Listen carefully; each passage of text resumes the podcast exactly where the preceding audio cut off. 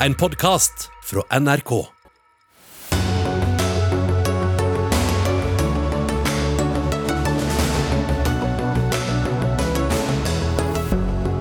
Matleveringstjenester har bud som jobber for dem, men arbeidstakere er de ikke.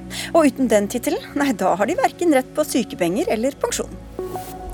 Sperregrensa må senkes, mener kommentator som frykter at 300 000 stemmer kan bli verdiløse.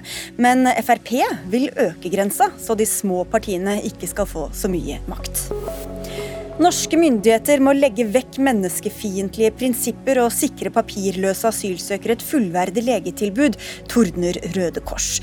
Rettigheter får man med oppholdstillatelse, svarer Høyre. Og har du en stor arv i vente, er det kanskje lurt å be om litt eh, forskudd. Flere partier går til valg på å gjeninnføre arveavgiften. Vel møtt i Dagsnytt 18 på NRK P2 og NRK1, hvor vi også skal snakke om Cuba. I studio i dag, Sigrid Solund. Gjennom pandemien er det nok mange som har fått besøk på døra av bud som er kommet med alt fra klær til apotekevarer. For ikke å snakke om matvarer eller middager, f.eks. levert av Volt eller Fodora som leverer mat fra restauranter og kafeer. Men hva med disse som sykler eller kjører disse varene rundt, hva slags rettigheter har de? Dette har du tatt opp, Espen Utne Landgraf, du er sykkelbud for Volt. Hvordan fungerer dette systemet hos dere? Ja, som du sier, Jeg har jobbet som sykkelbud i nesten fem år. Først i Fodora, der jeg var ansatt og var med på organisering og streik og få til en tariffavtale. Eh, og så eh, kom Volt på banen, og der er budene organisert som såkalt selvstendige oppdragstakere. Og da eh, kriblet det litt i min interesse for å finne ut hvordan det fungerer, av egentlig to grunner. Fordi bruk av selvstendige oppdragstakere det er på en måte normen innenfor det som er plattform- eller gig-økonomien internasjonalt. Uh, at man klassifiserer dem som oppdragstakere istedenfor arbeidstakere. Uh, og det er også en kjent omgåelse av loven i, i, i, Norge, i andre forskjellige bransjer, f.eks. For i budbilbransjen og bygg og anlegg tidligere. Og ved å klassifisere arbeidstakerne på den måten, så omgår man for det første Eh, arbeidsmiljøloven, fordi den gjelder kun for arbeidstakere i utgangspunktet. Og eh, bedriftene som gjør dette, de en, oppnår en del økonomiske fordeler da, ved at man slipper f.eks. feriepenger, sykepenger, pensjon osv. Og, og det er ikke noe stillingsvern å forholde seg til, så man kan endre vilkårene i eh, tilknytningsforholdet etter eget forgodtbefinnende, egentlig. Ja, som du selv nevnte, så ledet du bl.a. an i denne streiken som førte til tariffavtalen i, i, Fodora, altså konkurrenten. Men hva er det du håper å få til nå i Volt, da? Uh, vel, det er ikke noe sånn konkret plan, uh, egentlig. Men det, det, å få til noe av det tilsvarende som vi fikk til i Eh, Fodora, der det nå er et veldig godt fungerende tillitsvalgt arbeid. De ansatte har mye mer reell medbestemmelse. Og det å oppnå anerkjennelse som arbeidstaker er på en måte det første steget i å gå i den retningen i Volt også, da. Så får vi se hvor det ender. Det er ikke opp til meg, det er opp til de som, eller alle de som jobber i Volt. Og opp til deg, Elisabeth Stenersen, daglig leder i Volt. Det er fristende å spørre om dere visste hvem dere ansatte? Det visste vi. Okay, jeg er ikke ansatt. Nei, hvem dere er knyttet til dere. Unnskyld, allerede der gikk jeg rett i bare. Men du, hvorfor kan ikke folk hos dere være ansatt, sånn som i de fleste andre bedrifter, og da bli klassifisert som arbeidstakere? For vi benytter jo da frilansere og selvstendige. Eh, og det er en veldig vanlig arbeidsform. Det er over 320 000 som er eh, definert som frilansere i Norge, og enda flere hvis du tar med selvstendige. Så det er en trygg og det er en lovlig form som, eh, som vi benytter oss av. Og vi benytter oss jo av fordi vi mener den har mange store fordeler. For et bud så kan man bare sveipe seg online på appen vår når du ønsker. Du styrer din egen arbeidsdag, og så er du på å jobbe. Eh, og Det mener vi er veldig ettertraktet. Vi har 1300 aktive bud, inkludert Espen. Eh, og vi har 2000 som står i kø for å ønske å bli budpartner hos oss. Men Hvem er det som tjener best på denne organiseringen? da? den som tjener best. Altså Hvis du tar budpartneren først, så ja. mener jo vi at vi har et konkurransedyktig eh, inntjening, så vi slår også det å være ansatt i med en eh, tariffestet minstelønn. Så vi, når jeg sitter og ser på hva de tjener eh, som budpartner hos oss, så, så, sammenligner jeg det med en tariffestet minstelønn. Så Hvis jeg bruker eksempelvis en restauranttariff hvor man tjener 167 kroner i timen, så legger jeg på eh, penger til ferielønn, som helt klart de må dekke sjøl. Eh, noe forsikring. Vi dekker bl.a. ulykkesforsikring.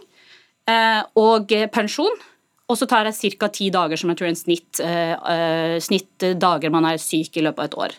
Da kommer vi opp til ca. 200 kroner, litt under 200 kroner i, i hva en, en, vanlig ansatt har. Hos oss så har vi et snitt 200 kroner på landsbasis, over 220 kroner eh, på snitt inntjening for de som jobber som budpartner i Oslo. Ja, Landgraf, Hva vil dere da tjene på å organisere det annerledes? Eh, vel, for Det første, det er helt sant at det er lovlig å bruke selvstendige oppdragstakere, men kun i de tilfellene hvor det er reelle selvstendige. For loven sier det at det har ikke noe å si hva du kaller eh, arbeiderne dine på papiret, om du kaller dem selvstendige oppdragstakere.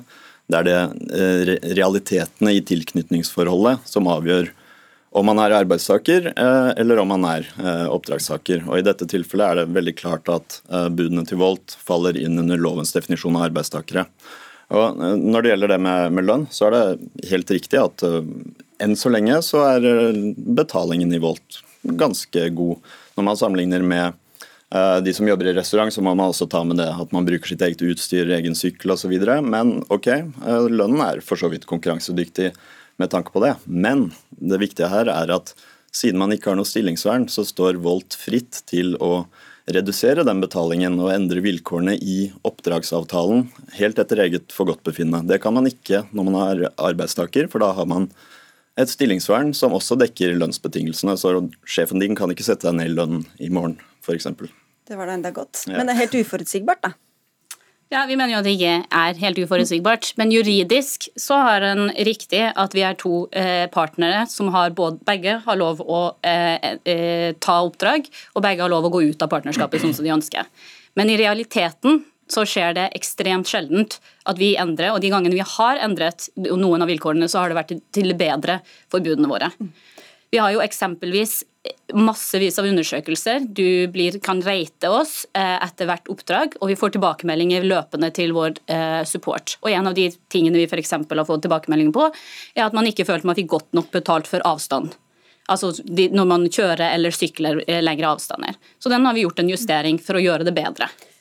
Karl Randersen, du er, Randers, du er daglig leder i Fodora. Dere har jo da, som vi hørte, fått mye kritikk tidligere for uh, arbeidstakernes rettigheter hos dere, før denne nevnte tariffavtalen. Hvordan har dere organisert dere annerledes enn konkurrenten Volt, som vi hører fra her? Ja, um, først og fremst så har vel Foodora vært opptatt av å være en trygg og god arbeidsgiver helt siden starten. Uh, så vi hadde jo uh, ansatte fra vi startet opp i Oslo uh, i 2015. vi så det mest hensiktsmessig da, som var ganske uvanlig i forhold til plattformselskaper generelt, som, som stort sett driver med selvstendig arbeidskraft, og, og, har gjort det i alle de årene vi har holdt på med. Så begynte vi med, med noen oppdragstakere i, i, 2018, spesielt når vi skulle utvide med billeveranser også. Um, så den dag i dag så har vi en hybridmodell rett og slett, med eh, ansatte på den ene siden og oppdragstakere på den andre.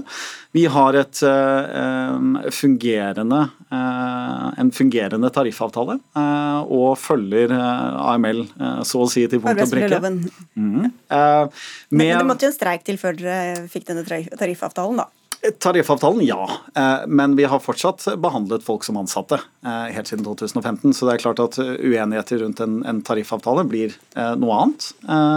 Men jeg sitter jo da f.eks. i møter med verneombud i arbeidsmiljøutvalg og snakke med tillitsvalgte. Noe som er pålagt at jeg gjør eh, som en eh, daglig leder. Men Betyr det at alle hos dere kan velge om de vil være ansatt eller om de vil være sin egen eh, sjef? Her er jo litt nøkkelspørsmålet, eh, i hvert fall for oss. Og, og, og, det vi har sett er jo at vi, vi er jo en bransje som, som, eh, er avhengig av ordremeldinger, rett og slett. Det handler om pågangen som vi får inn. Så når vi vet at vi på en måte kan tilby en trygg hverdag, at det er såpass mye i grunnmuren til å støtte støtte opp under å faktisk ha ansatte som skal ha ukentlig arbeidstid og ha de samme rammene eh, dag etter dag eller uke etter uke, eh, så eh, har vi stort sett muligheten til å da velge mellom å være oppdragstaker og være ansatt. Og Dette tilbyr vi nå i alle de største byene som vi opererer i. Mens de mindre byene, da man, kan man ikke forvente den samme stabiliteten? Det, det er helt riktig. Og det er rett og slett fordi vi ikke kan tilby den samme stabiliteten heller. ikke sant? Stenersen, hvorfor kan ikke dere også ha denne hybridordningen for dere? Vi, vi, tror jo på å ha én tydelig modell. Eh, vi har jo vurdert og sett på ulike modeller og hva vi tror eh, gir den beste friheten til å jobbe sånn som man ønsker, og sveipe seg man og begynne. Eh, det, det, vi snakker om ofte, er jo styringsrett hvis du er arbeidsgiver. Hvis jeg var arbeidsgiver og hadde ansatte bud, så kunne jeg diktere skiftene. Jeg kunne ha diktert når eh, man skal møte opp. Jeg ville ha sanksjonert hvis du ikke møtte opp på det tidspunktet. Og jeg ville ha, eh, sagt, eh, jeg ville ha målt dem på effektivitet og sagt at nå må du jobbe mer. Hvis jeg da skal ha to modeller, så måtte jeg behandlet de ansatte budene på én måte, versus de som bare sveiper seg online og starter å jobbe og ikke får noe form for styring i, mot oss. Vi tror at det er mye bedre. En tydelig modell. Dette er hva alle tjener. Og det, vi behandler alle likt. Dere skal få kommentere, men vi skal få inn en fjerde person her. Trude Tindlund, du er LO-sekretær og også medlem av Fogner-utvalget som så på framtidas eh, arbeidsliv tidligere i år. Det er jo veldig mange bedrifter som benytter seg av ulike leveringstjenester eh, helt hjem, og det er Posten bruker det, og veldig mange andre også. Med det arbeidslivet eh, som, som vi hører om her, hva er, hva er det et symptom på, egentlig? Jo, Det er jo et symptom på at vi er nødt til å gjøre noen justeringer i arbeidsmiljøloven nå, for å sikre at vi faktisk eh, både viderefører, styrker og bevarer den norske modellen. For her er det helt klart eh, Fra før så hette det seg at arbeidsgiver eh, hadde ansvaret for å bruke riktig tilknytningsform, men det ser vi jo nå at det er et ansvar man tydeligvis da ikke tar, så lenge det er muligheter for å kutte kostnader, for å få konkurransefortrinn og for å skyve all risiko over på den som utfører gjør arbeidet. Og Jeg har hørt på nå, og det er veldig mange misforståelser ute og går. Det er ikke sånn at man eh, avgjør et arbeidstakerbegrep på frivillighet. Det er helt uten betydning om en arbeidsperson frivillig har gått inn i en oppdragskontrakt, dersom forholdet er å anse som et arbeidsforhold etter arbeidsmiljøloven. Eh, og Dette her eh, avgjøres da i forhold til at man er underlagt en annens ledelse, styring og kontroll, og stiller med personlig arbeidsplikt. Og det vi ser er jo at selv om eh, det er relativt stabile tall i Norge så langt. Så ser vi jo i eh, forhold til EU eksempel, at den størst voksende fattigdomsgruppa er faktisk eh, det vi kaller self-employed, eller selvstendige. Og, og, det med falske selvstendige oppdragstakere er jo et stort problem i EU bl.a. Og det foregår et arbeid der også. Og det er jo en av grunnene til eh, at Fougner-utvalget nå ønska å, å, klargjøre lovens, hva som står i loven. Altså Vi klargjører betydningen, vi gjør det mer brukervennlig brukervennlig. Vi tydeliggjør begrepet. Eh, og gjør det bedre egnet til å fange opp omgåelser og unngå disse gråsonetilfellene. Og også en, en, omvendt bevisbyrde, sånn at vi legger bevisbyrden over på den sterke parten i forholdet. Landgraf, Du snakker vel først og fremst på vegne av deg selv. Er du så sikker på at alle de andre kollegene dine ønsker en fastere tilknytning?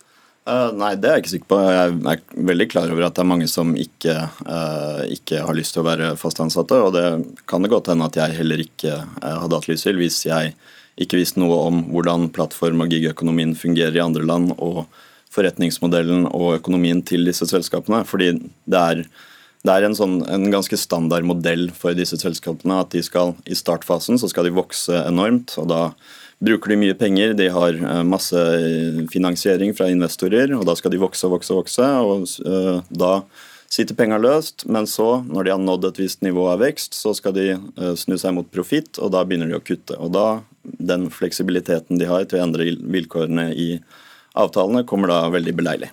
Randers, du vil ha ordet.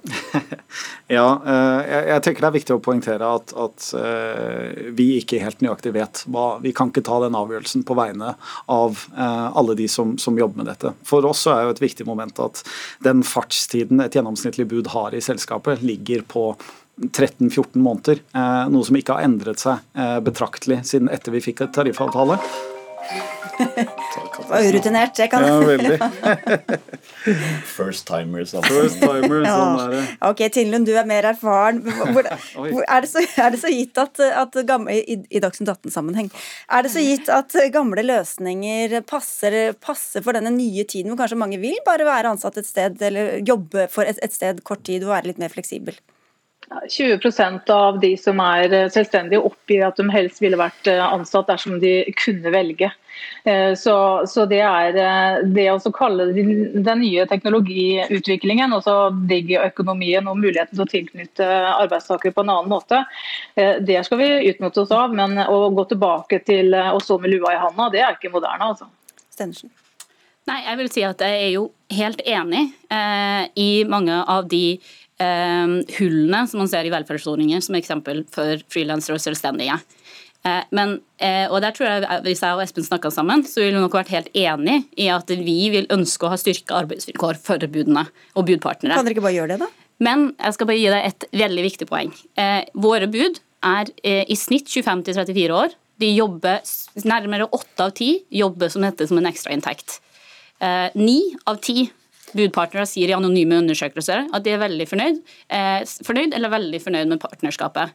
Jeg tror ikke, og det mener jeg, at å løse det ved å putte alle som er fast ansatte og fjerne den friheten som de faktisk er setter som, som hovedtilfredshet eh, med, eh, med, partnerskapet, er det samme som å si at alle vil bli, fornøyde. Okay. Eh, viktig å påpeke at Det er ikke noe i veien for å ha fleksible arbeidstidsordninger som ansatt også. Det er ikke noen begrensninger i lov på det. Man kan være tilnærmet like fleksibel som arbeidstaker.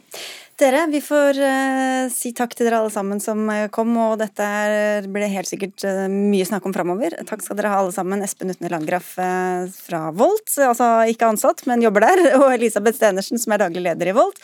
Carl Randers, daglig leder i Fodora, og Trude Tindlund, som er LO-sekretær.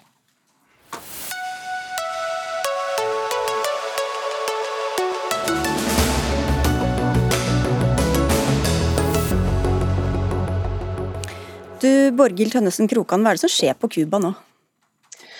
Jo, Det vi ser på Cuba, det er de største protestene mot eh, regjeringen eh, på mange tiår. Kanskje de største siden eh, Castro selv kom til makta i 1959. Det er tusenvis av cubanere på, på gaten nå som roper 'ned med diktaturet', 'vi vil ha frihet'.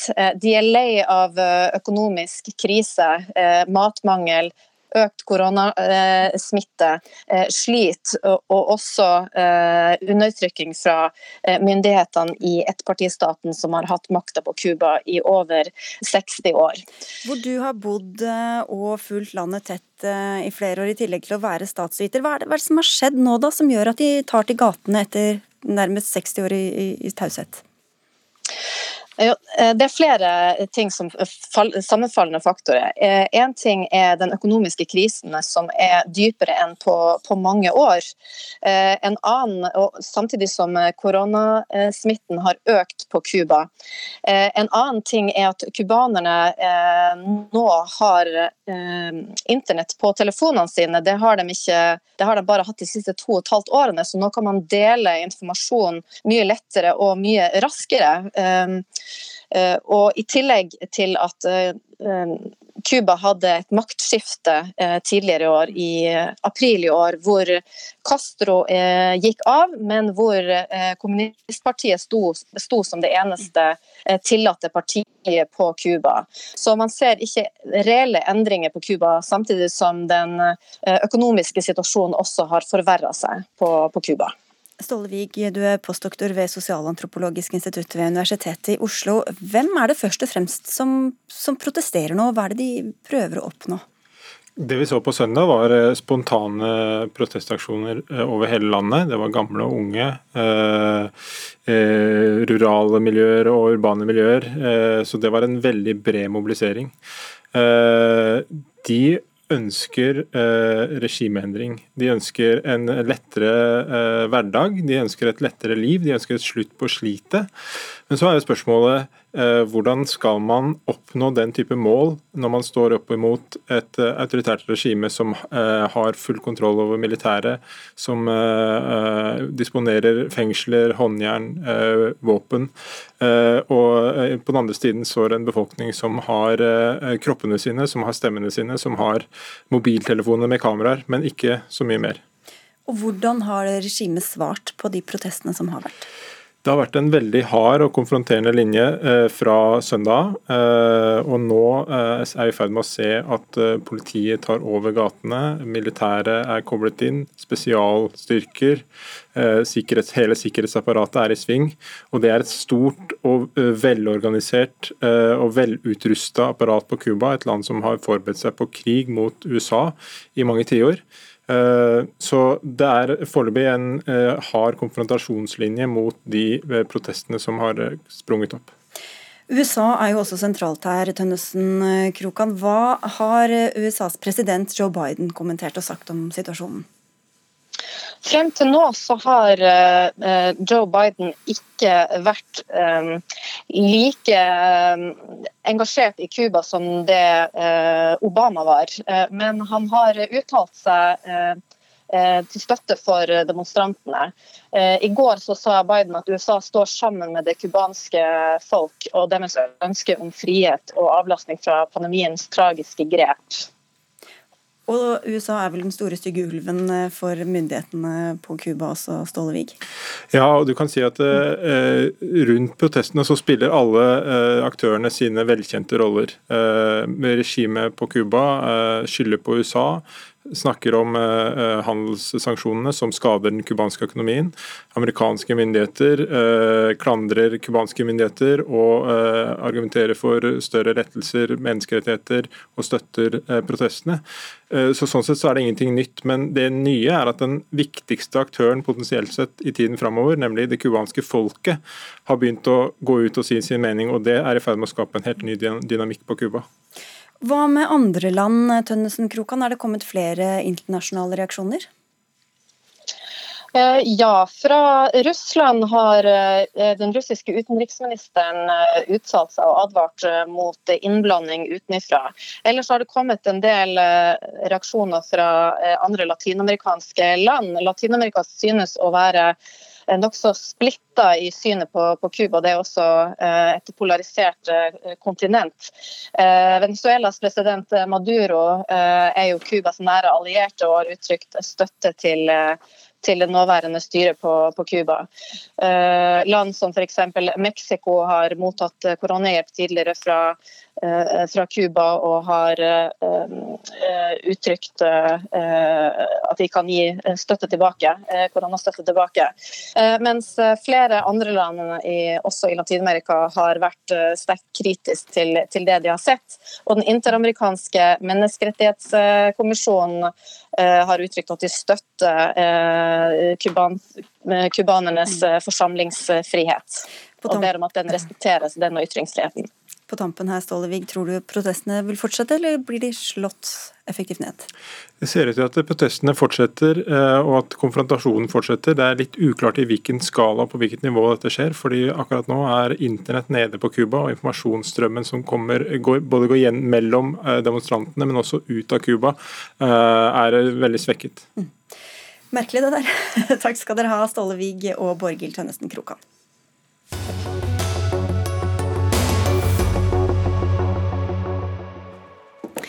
Det kan se ut til at uh, å være en frykt for at arveavgiften gjør et comeback etter høstens stortingsvalg. I hvert fall kan flere advokatfirmaer fortelle NRK om økt pågang fra folk som vil overføre familieformuen til arvingene sine i forkant av et eventuelt regjeringsskifte. Arveavgiften ble fjernet i 2014 av eh, Erna Solbergs eh, regjering, men dere er blant dem som vil gjeninnføre den, Sara Bell. Du er stortingskandidat for SV i Hordaland. Og de som lurer på om de bør gi barn og barnebarn forskudd på arv, har de dårlig tid? Nei, altså eh, fra SV så handler jo dette om at de som har aller mest, må bidra aller mest, ikke sant. Og eh, vi har økende forskjeller nå. Og eh, vi har en velferdsstat som er eh, underfinansiert. Og da må faktisk de som har akkumulert flest penger, de må bidra med mer av de. Det var argumentet for eh, eiendomsinvestor Arthur Buchardt. Du har overført alle aksjene dine til sønnen din. Tror du det er en uro der ute for at arveavgiften skal dukke opp igjen? Eh, kanskje hos noen, men til det Bell sier, at eh, de som har mest, skal bidra mest, det er jeg helt enig i. Og slik er det jo allerede i dag. Når dette skal føres over til dette med arv, så er jeg uenig. Hvorfor det? Nei, arv det er jo noe som er bygget opp gjennom eh, mange, mange år. Verdier, formuer, gjennom bedrifter. Eh, det er ikke penger i banken, men det er bedrifter. Det er armer og bein. Små og mellomstore bedrifter med masse forpliktelser. Så det er ikke bare bare å mm, ta av kassa, for kassa er ofte tom. Eh, og ta utbytte, for arveavgiften skal jo betales av de som arver. Og de som arver har jo ikke cash i banken. Så det må tas fra bedriften, og det tapper bedriften, og det gjør arbeidsplassen usikre. Betyr det at der hvor det ikke er tomme kasser, men masse penger i banken, der er arveavgiften på sin plass? Nei, eh, det er veldig få bedrifter som sitter på overskuddslikviditet som ikke er i arbeid. Så det der er egentlig bare teori. Sarabell?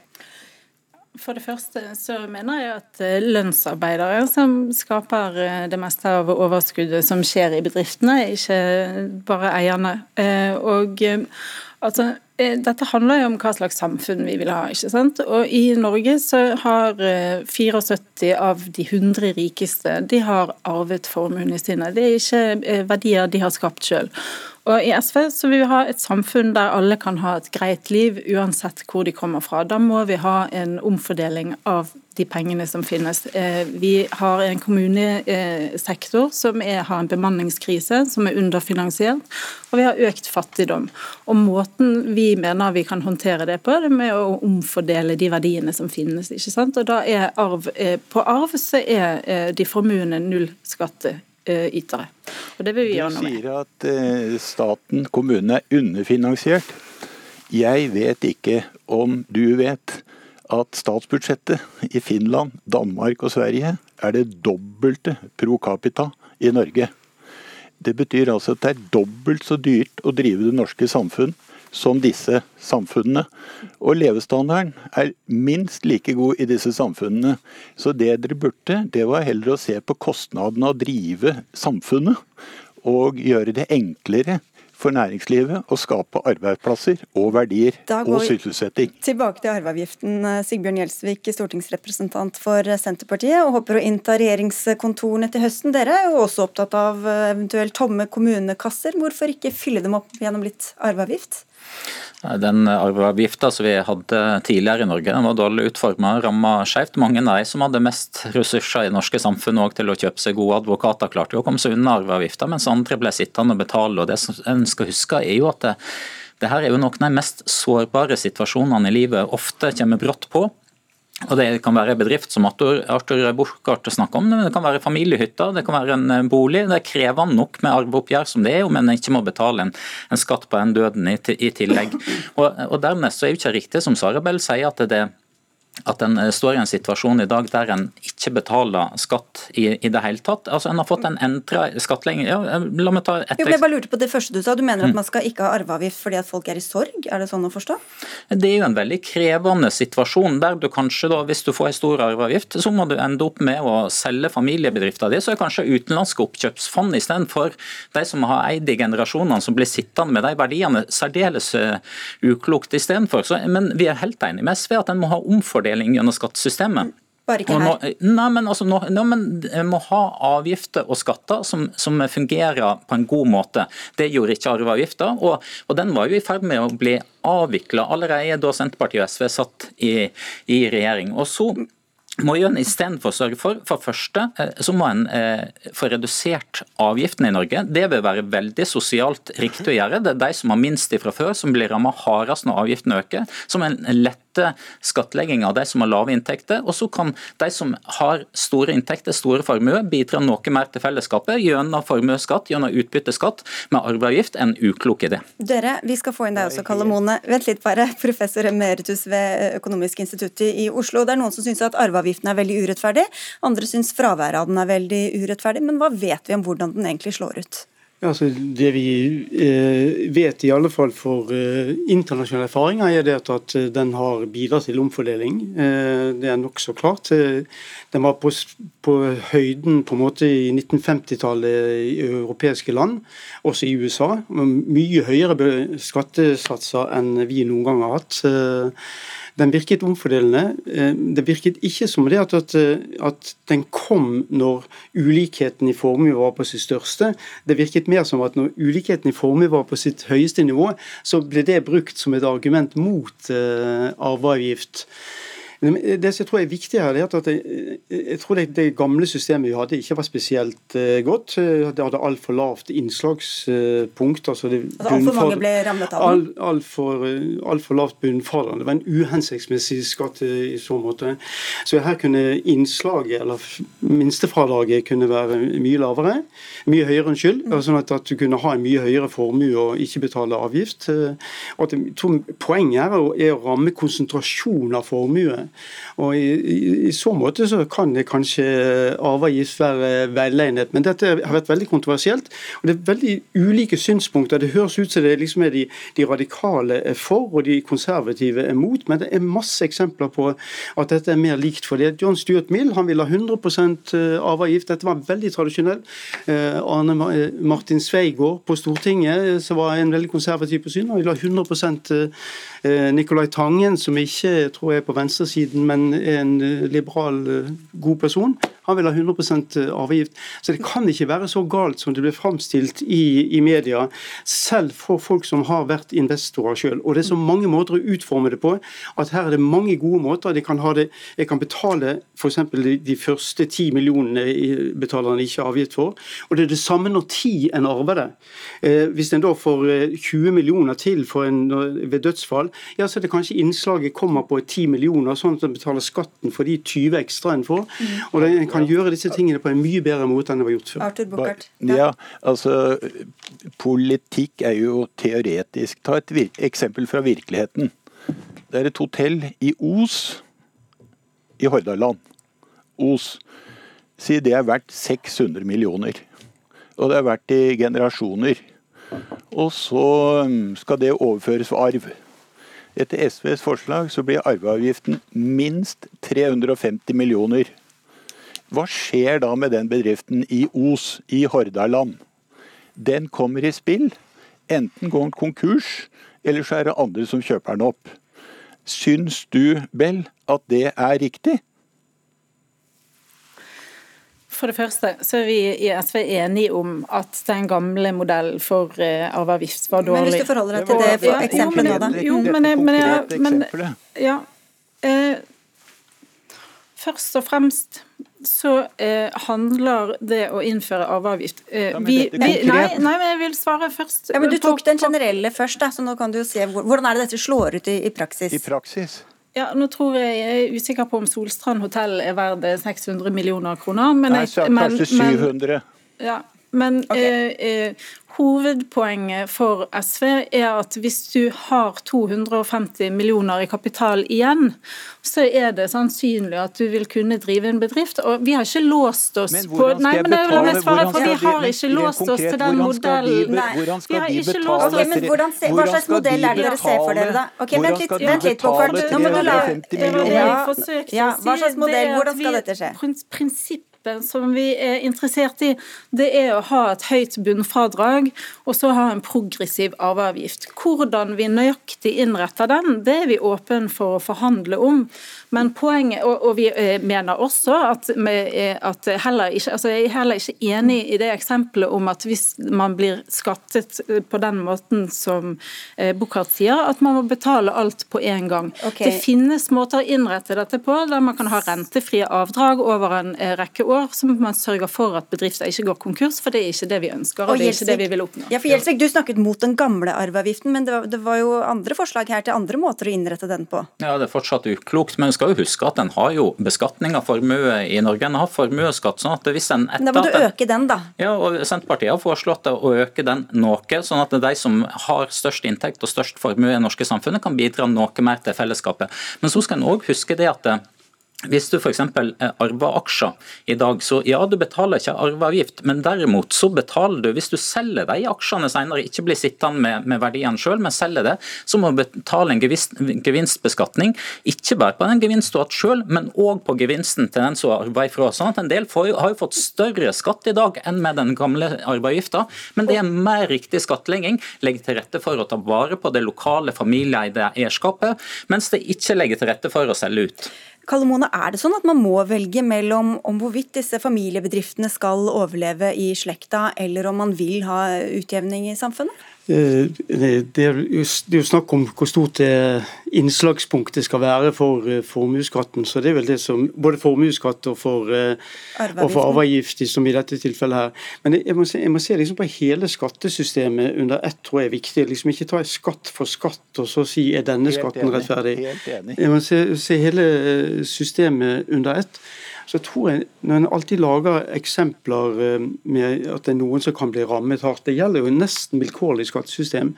Det gjelder jo også på inntektsskatt. Og beskyttelsen av eh, en, en beholdning av formue er mye bedre i de aller fleste land, inklusiv Norge, enn beskyttelsen du har for den strømmen av inntekt som vanlige folk får.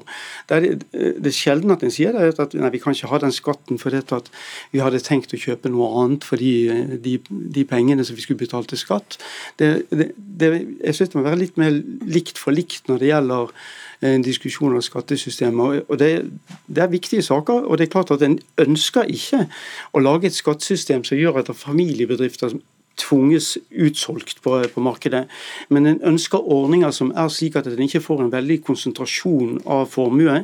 Og Da er arveavgift egnet. og Grunnen til at det kom opprinnelig, det er en veldig gammel skatt, det er ikke noen ny skatt, det er en veldig gammel skatt, det var at det var folk som fikk inntekter de sjøl ikke hadde bidratt til å skape.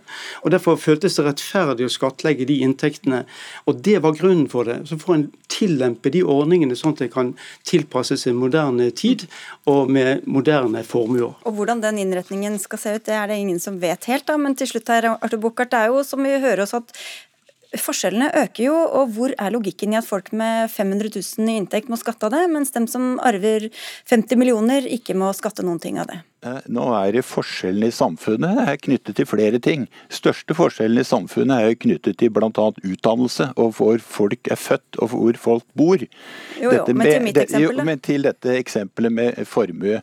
Dette er bedrifter som er bygget opp over generasjoner. og skal fortsette... Alt er vel ikke det? Ja, altså Det er gamle bedrifter og det er nyere bedrifter. Og så er det bedrifter som skal gå videre. Ta nevnte eksempelet på dette hotellet på Os. Og Jeg liker konkrete eksempler ja. på hvordan dette slår ut i virkeligheten. For da blir det ikke teoretisk, da blir det realistisk. Og det fikk vi ikke noe sånn veldig klart svar på, men eh, vi får se om SV eller Senterpartiet får gjennomslag, og hvem som skal samarbeide med. Det er mange spenningsmomenter foran høstens valg, det kan vi i hvert fall si. Takk skal dere ha alle, alle fire. Arthur Buchardt som er eiendomsinvestor, Sigbjørn Gjelsvik fra Senterpartiet, Sara Bell fra SV og professor emeritus Kalle Mone.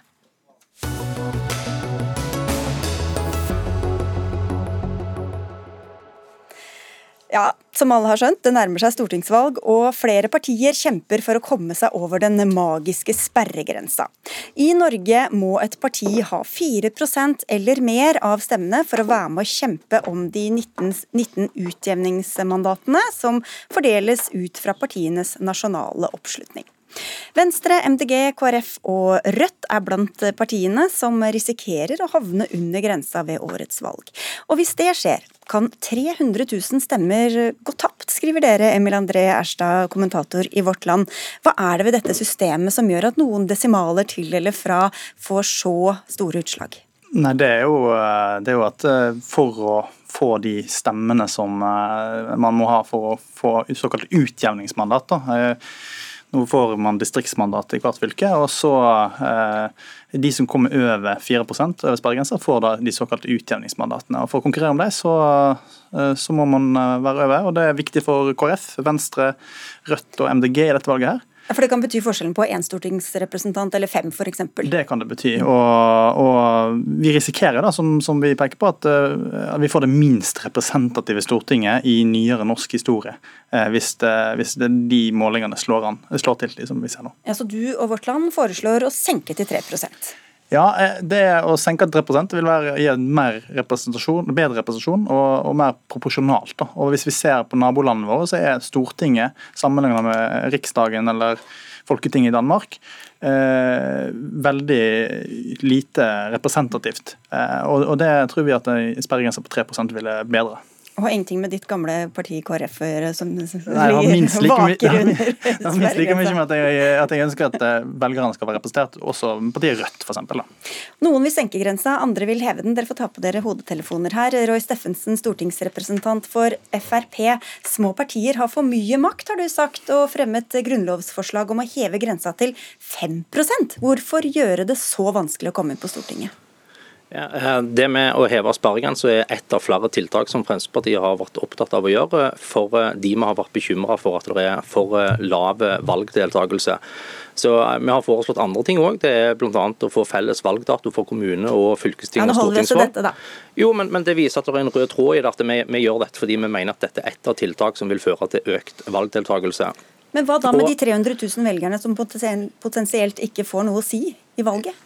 Ja, men bare, bare for å for, uh, forklare hvorfor vi ønsker å heve sperregrensa, så er jo det fordi at uh, noe av det vi får høre ganske ofte når vi er ute og reiser, det er at uh, folk er oppgitt, folk er frustrert over at små partier har altfor mye makt i forhold til det velgeroppslutningen skulle seg. At det er saker som det er veldig stort flertall for i Stortinget, som blir blokkert av små partier fordi at det er veldig vanskelig å finne styringsdyktige flertall. For eksempel, Eh, konsekvensutredning av Lofoten-Vesterålen eh, det var det kjempestort flertall for i Stortinget både i 2013 og 2017, eh, men det har blitt blokkert av små partier. og Det samme var det i de to regjeringsperiodene før det med Stoltenberg. Så vi, tror at folket sin vilje ville blitt større representert med økt sperregrense til 5 Derfor har jeg foreslått det. Nå er det sikkert mange der ute som sitter og tenker på Frp-seire som heller ikke har flertall, men Erstad, kan du få kommentere dette? Ja, Vi er litt overrasket over at eh, partiet for folk flest, Frp, da, argumenterer mot at, eh, at, vi skal ha en god representasjon. Eh, når 300 000 velgere nå står i fare for å ikke blir representert i Stortinget ved valget i høst, så, så mener vi at i en tid der polariseringen øker, og der tilliten til det politiske systemet er kanskje svekka, så trenger velgerne å bli, føle seg representert. og vi har nå flere små partier som vaker rett rundt sperregrensen enn tidligere. Tidligere har det bare vært Venstre, og nå er det fire parti. Og da tror vi at eh, det partimangfoldet vi har i dag, bedre blir speila. Eh, du skal få slippe til snart, eh, Steffensen, men vi skal få til en gammel kjenning. kan vi vel si Tidligere Frp-nestleder Per Sandberg, nå er du stortingskandidat for Liberalistene. Et lite parti foreløpig i hvert fall, som håper å komme inn på Stortinget. Og dere vil fjerne hele sperregrensa. og så er det lett å spøke med hvorfor, selvfølgelig? Ja, nei, nei, men altså, altså, Sperregrensa har ingen funksjon i hele tatt. Man snakker som om at man har sperregrensa på 169 stortingsrepresentanter. Det har man jo slett ikke. Det er altså sperregrense på de 19 utjevningsmandatene. Altså har ingen sperregrense på 150 distriktsmandat, så der er det fritt fram. Eh, og så tror jeg er fullstendig uenig med Roy Steffensen. Jeg tror at en, senk, en økning av sperregrensa faktisk vil medføre at vi får mindre valgdeltakelse. Selv om at jeg er enig med Roy i at det aller viktigste nå er å få økt valg, valgdeltakelsen. Og Da er elektronisk stemming f.eks. kan være et grep i forhold til dette. Eh, og så gjøre da Norge mer i retning av et ett Right. Eh, og så peker Roy på et Altså en stemme skal være en stemme? En stemme skal være en stemme. Eh, og så peker Roy på det som er, eh, har vært en utfordring i mange år. Det er det at de små partiene får uforholdsmessig mye makt. Men det, den blamen må man jo legge på de etablerte partiene, som faktisk lar da de små partiene få så store makt og så mye inngripen i de store sakene. Så der er det de etablerte partiene som har svikta. Men du, du, du, du sa du var uenig, men du har jo vært enig med med Steffensen tidligere. Du var også urolig for dette i 2017 mm. og sa til TV 2 at det er nødvendig å iverksette ulike tiltak mm. for å øke oppslutningen, f.eks økt sperregrense, og mm. stemte for forslaget ja. på FrPs landsmøte. Hva er det som har skjedd siden da? Nei, men Det er helt riktig. Det er, eh, det er flere tiltak som må legges til grunn her. og Derav så var det ble nedsatt en nemnd for å så, se på alt dette. og Da var økt sperregrense et av disse tiltakene her. Men jeg tror ikke sånn som situasjonen er nå, for det kommer flere småpartier, bl.a. liberalistene. og Vi har eh, en ambisjon om også å komme på Stortinget, men vi har altså ønska å fjerne hele sperregrensa. Men det var jo mange små partier den gangen også? Ja, men det kommer flere. og det og det er grunnen til at du nå vil senke den? Ja, men utfordringa er at du mister mangfoldet. Man peker jo sjøl på at 300 000 stemmer plutselig blir borte her. Og hvis 300 000 stemmer blir borte, så er det i hvert fall ikke slik at eh, økt sperregrense skaper noe flere de mer deltakelse. Og så tror jeg, hvis vi bare har et felles mål alle sammen om å øke valgdeltakelsen, så vil jo det faktisk føre til at de små partiene blir, får mindre oppslutning. Eh, Da vil de etablerte partiene bli, få, få større oppslutning og større makt. Så det, der man må starte alle sammen, det må øke valgdeltakelsen. Og der er da de små partiene en, en bidragsyter i forhold til det. For Hvorfor skal man gidde å stemme Steffensen og øke valgdeltakelsen hvis man ikke aner om stemmen sin vil telle i det hele tatt? Nei, altså eh, stemmen, stemmen teller jo. Alle har jo en sjanse til å bli hørt med å gå og stemme. Men du er nødt til å stemme på et eh, Eller du, du er jo avhengig av at det partiet du stemmer på, har eh, nok meningsfeller til at du blir representert på Stortinget. Og, og vi husker på at sperregrensa ble innført i sin tid nettopp fordi at eh, målet var å sørge for at du skulle få på plass eh, styringsdyktige flertall, det skulle være lett, og at du skulle redusere eh, den makta som små partier hadde. F.eks. Fremskrittspartiet i perioden 85 til 89. Sperregrensa ble innført i 89. Eh, Fremskrittspartiet satt med to representanter og var på vippen i den perioden der. Så må jeg si, når eh, Per Sandberg sier at situasjonen er endra siden 2017. eh, Det eneste som er endra, er jo at han selv kjemper om plass eh, for et eh, veldig lite parti. Og det er jo som programleder sier helt korrekt at det er jo Per Sandberg som Han har jo vært veldig stolt tidligere av at han har skrevet alle partiprogrammene til Frp de siste, siste periodene. Og det forslaget som jeg fremma på Stortinget i fjor med grunnlovsforslag, det er en konsekvens av det partiprogrammet som Per Sandberg la fram i 2017. Eh, Og det som eh, Kan Per Sandberg få- kommentere det, Ja, kanskje? ja, men at, at, men Landsmøtet til Fremskrittspartiet har vedtatt å heve sperregrensen, det er helt riktig. Men jeg er jo rimelig sikker på at eh, Fremskrittspartiet er delt på midten. Eh, Jeg tror ikke det var enstemmig vedtatt på landsmøtet til Fremskrittspartiet, så det har alltid vært en diskusjon. Eh, Og I starten av perioden her så var dette med å heve sperregrensen ikke en debatt i hele tatt i Fremskrittspartiet. Men, men jo, jeg sier jo ikke at ting har endra seg siden 2017. Men altså, noe av de store problemene vi ser, ikke bare fra 2017, men også tidligere, til og med når jeg satt som statsråd, så er det jo det at de etablerte partiene driver hestehandel. Jo der velgerne blir skuffet. Når man driver ulik hestehandel for å la de små partiene få en større og større innflytelse.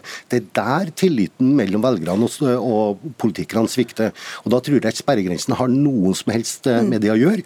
Det er de etablerte partiene som har manglende ideologi, sånn at velgerne ikke ser hvilken kurs okay, i setter i forhold til politikken. Og Det det, er er, og det er jo lov å skifte mening, men til poengene fra Steffensen her, da, Erstad, om eh, hvor uforholdsmessig mye makt de små partiene kan få, hvor rettferdig det virker rundt omkring i befolkningen. Ja, Vi diskuterer jo nå valgregler, eh, og det er jo hvordan velgerne skal forholde seg til å stemme i et valg.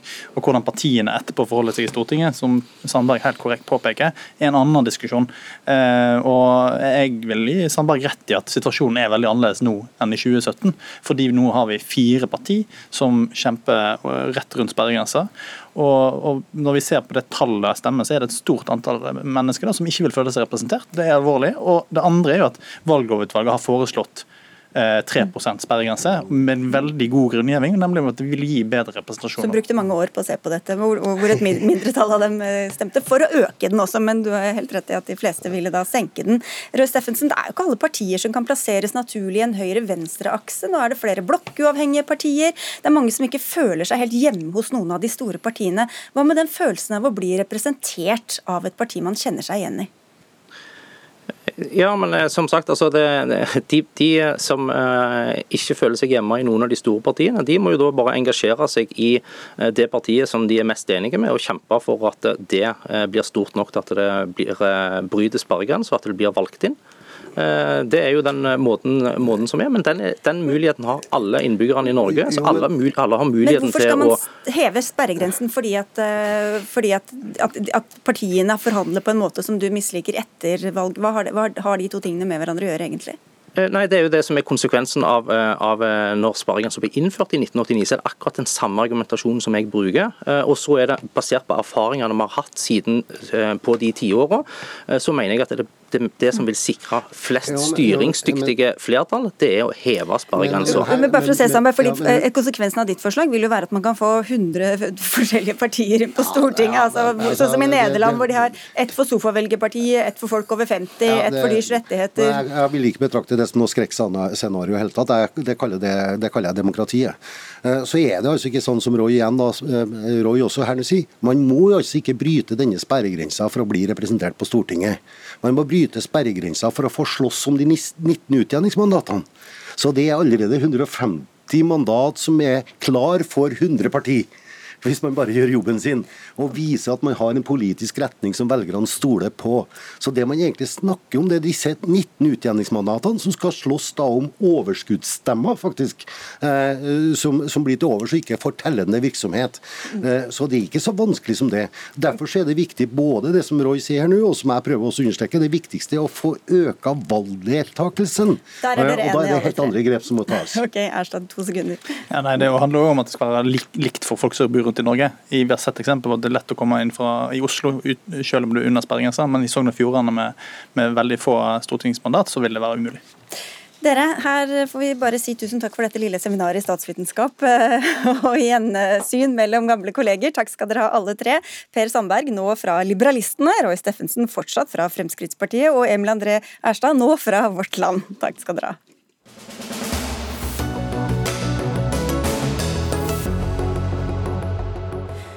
Mennesker som mangler oppholdstillatelse og et personnummer i Norge, har ikke rett på det samme helsetilbudet som oss andre.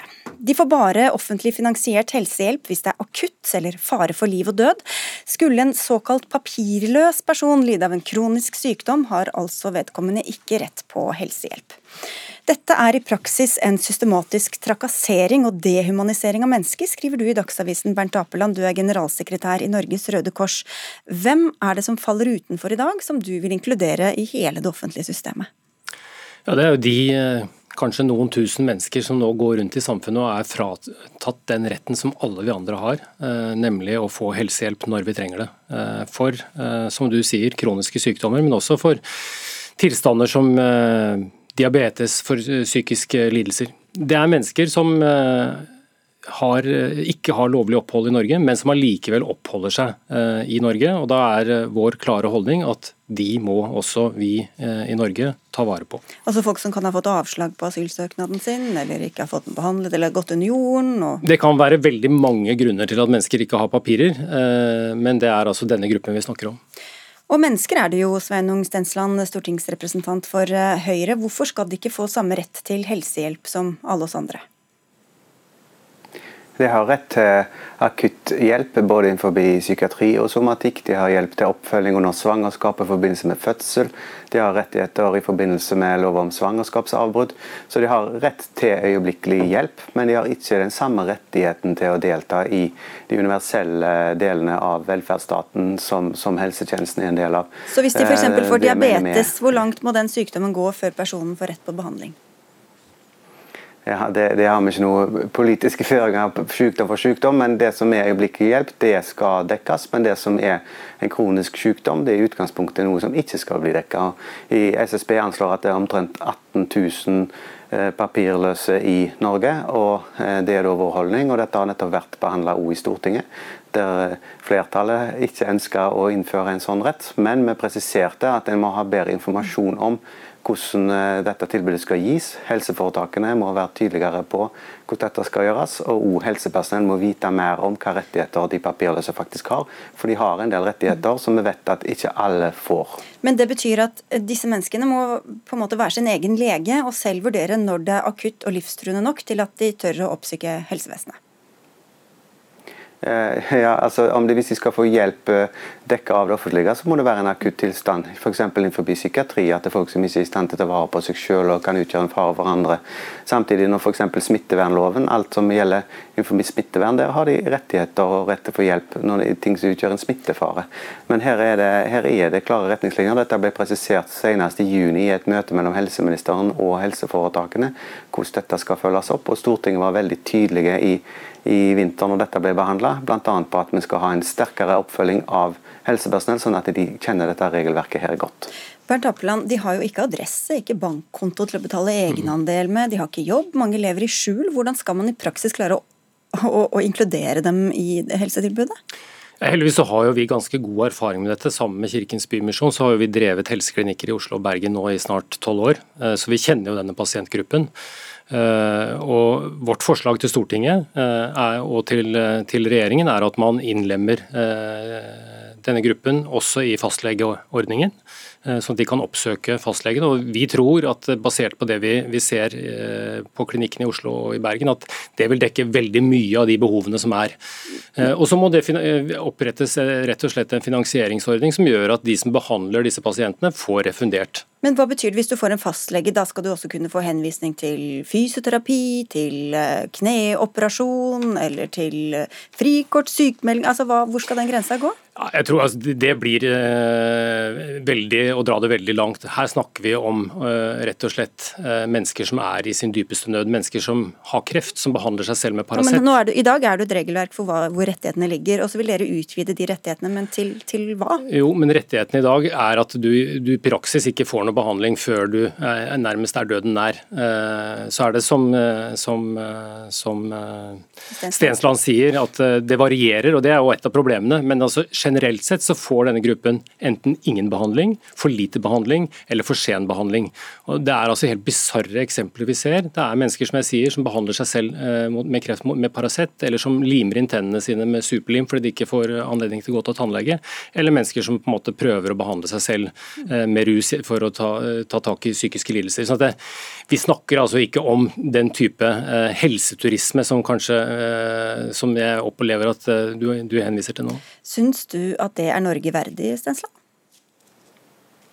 Vi har et regelverk som har vært eh, diskutert flere ganger. Den saken her er en gjenganger. og Vi mener at for å få full tilgang til den norske helsetjenesten, så skal du ha opphold i Norge. Må vi huske at En del av disse her er personer som skulle har reist eh, der de kommer fra, som ikke skulle ha vært der, som oppholder her uten lovlig grunnlag. Og så er det noen som er her som er ureturnerbare, og så er det noen som er av, av andre grunner. Og Det vi òg har eh, bedt av å satt i gang, er å se litt på Eh, Bl.a. de som er fordi de har blitt eh, forfulgt av andre grupper. Så det satte i gang et arbeid, og Stortinget hadde som sagt en sak om dette i vinter. Jo, men At det er behandlet og diskutert, betyr, ja, men det betyr vel ikke at det nødvendigvis uh, ikke er argumentet mot? Syns, syns du det er dumt da at Norges, Røde Kors og andre gir helsehjelp til disse personene? Jeg syns ikke det er dumt at eh, de gir hjelp. Det er saktens partier som mener det òg, men Høyre mener ikke at det er dumt. Men vi mener faktisk at det skal gå en grense for når du har eh, adgang til den norske velferdsstaten. Og for oss er det en grense når du har eh, lovlig opphold og er bosatt i, i Norge. Og, men du får jo akutt hjelp. Det høres ut som ingen får hjelp i nød, men det får en altså. Kreft er jo f.eks. ikke regnet som akutt, da. Jeg tenker altså, det, ja, det, det er jo et eksempel. Ja. Ja. Altså, fordi det, det som på en måte er viktig ja, ja, OK, Stensland, fullfører, og så skal Apland fòre. Ja. Det som blir krevende, det som Røde Kors foreslår, ta det inn i fastlegeordningen. Men fastlegen har jo da alle muligheter til å henvise videre til annen behandling. Skal det da settes opp noen nye grenser for det? Og nettopp Dette var det som var litt diskusjonen òg i vinter, når dette var en sak. Mange organisasjoner er sterkt tilhengere av at denne gruppa skal få alle rettigheter. Vi mener de ikke skal det. og Det er ikke helseturisme vi er redde for, men det vil faktisk òg være sånn at dersom du får vite at kommer du til Norge så får du hjelp, så vil det være mange som da ønsker å komme til Norge, fordi der får du hjelp. For det er nemlig ikke sånn at du får det, det uansett hvilket land du kommer til. Hvordan vet dere det? Hvilken ja, det har, dokumentasjon har dere på det? Det, det, er grunn til å, det er jo grunn til å anta det, at hvis du er syk, bor i et land der du ikke får hjelp Mange av disse kommer til land der det ikke er noen fungerende helsetjeneste, eller der de uansett ikke får hjelp. Hvis det finnes land der du får hjelp hvis du bare kommer der til, så vil selvsagt folk oppsøke det landet. Det er helt logisk. Men det som er helt grunnleggende her, og som vi ikke må glemme i den debatten, er at punkt én, det vi snakker om er mennesker. Eh, punkt to, det er mennesker med alvorlige helsebehov som ikke nødvendigvis er eh, akutte som i en, i en ulykke, men som definitivt er alvorlige. Eh, og Spørsmålet er hva gjør vi som samfunn i den situasjonen.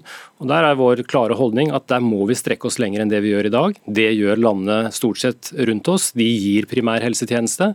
Eh, og eh, Det er et spørsmål om, både om menneskeverd, men det er også et spørsmål om menneskerettigheter. Og Vi har jo flere ganger fått kritikk fra, fra ulike komiteer i FN for at vi ikke nettopp gir denne gruppen et bedre helsetilbud enn det vi gjør. Men hva med de signalene det sender, da? Det må jeg si er en ganske oppkonstruert debatt. Dette er mennesker som veldig mange kommer fra veldig veldig krevende situasjoner. Jeg tror ikke vurderingen om de får tannpleie i Oslo er det som gjør om de kommer til Norge eller ikke. Stensland, veldig kort.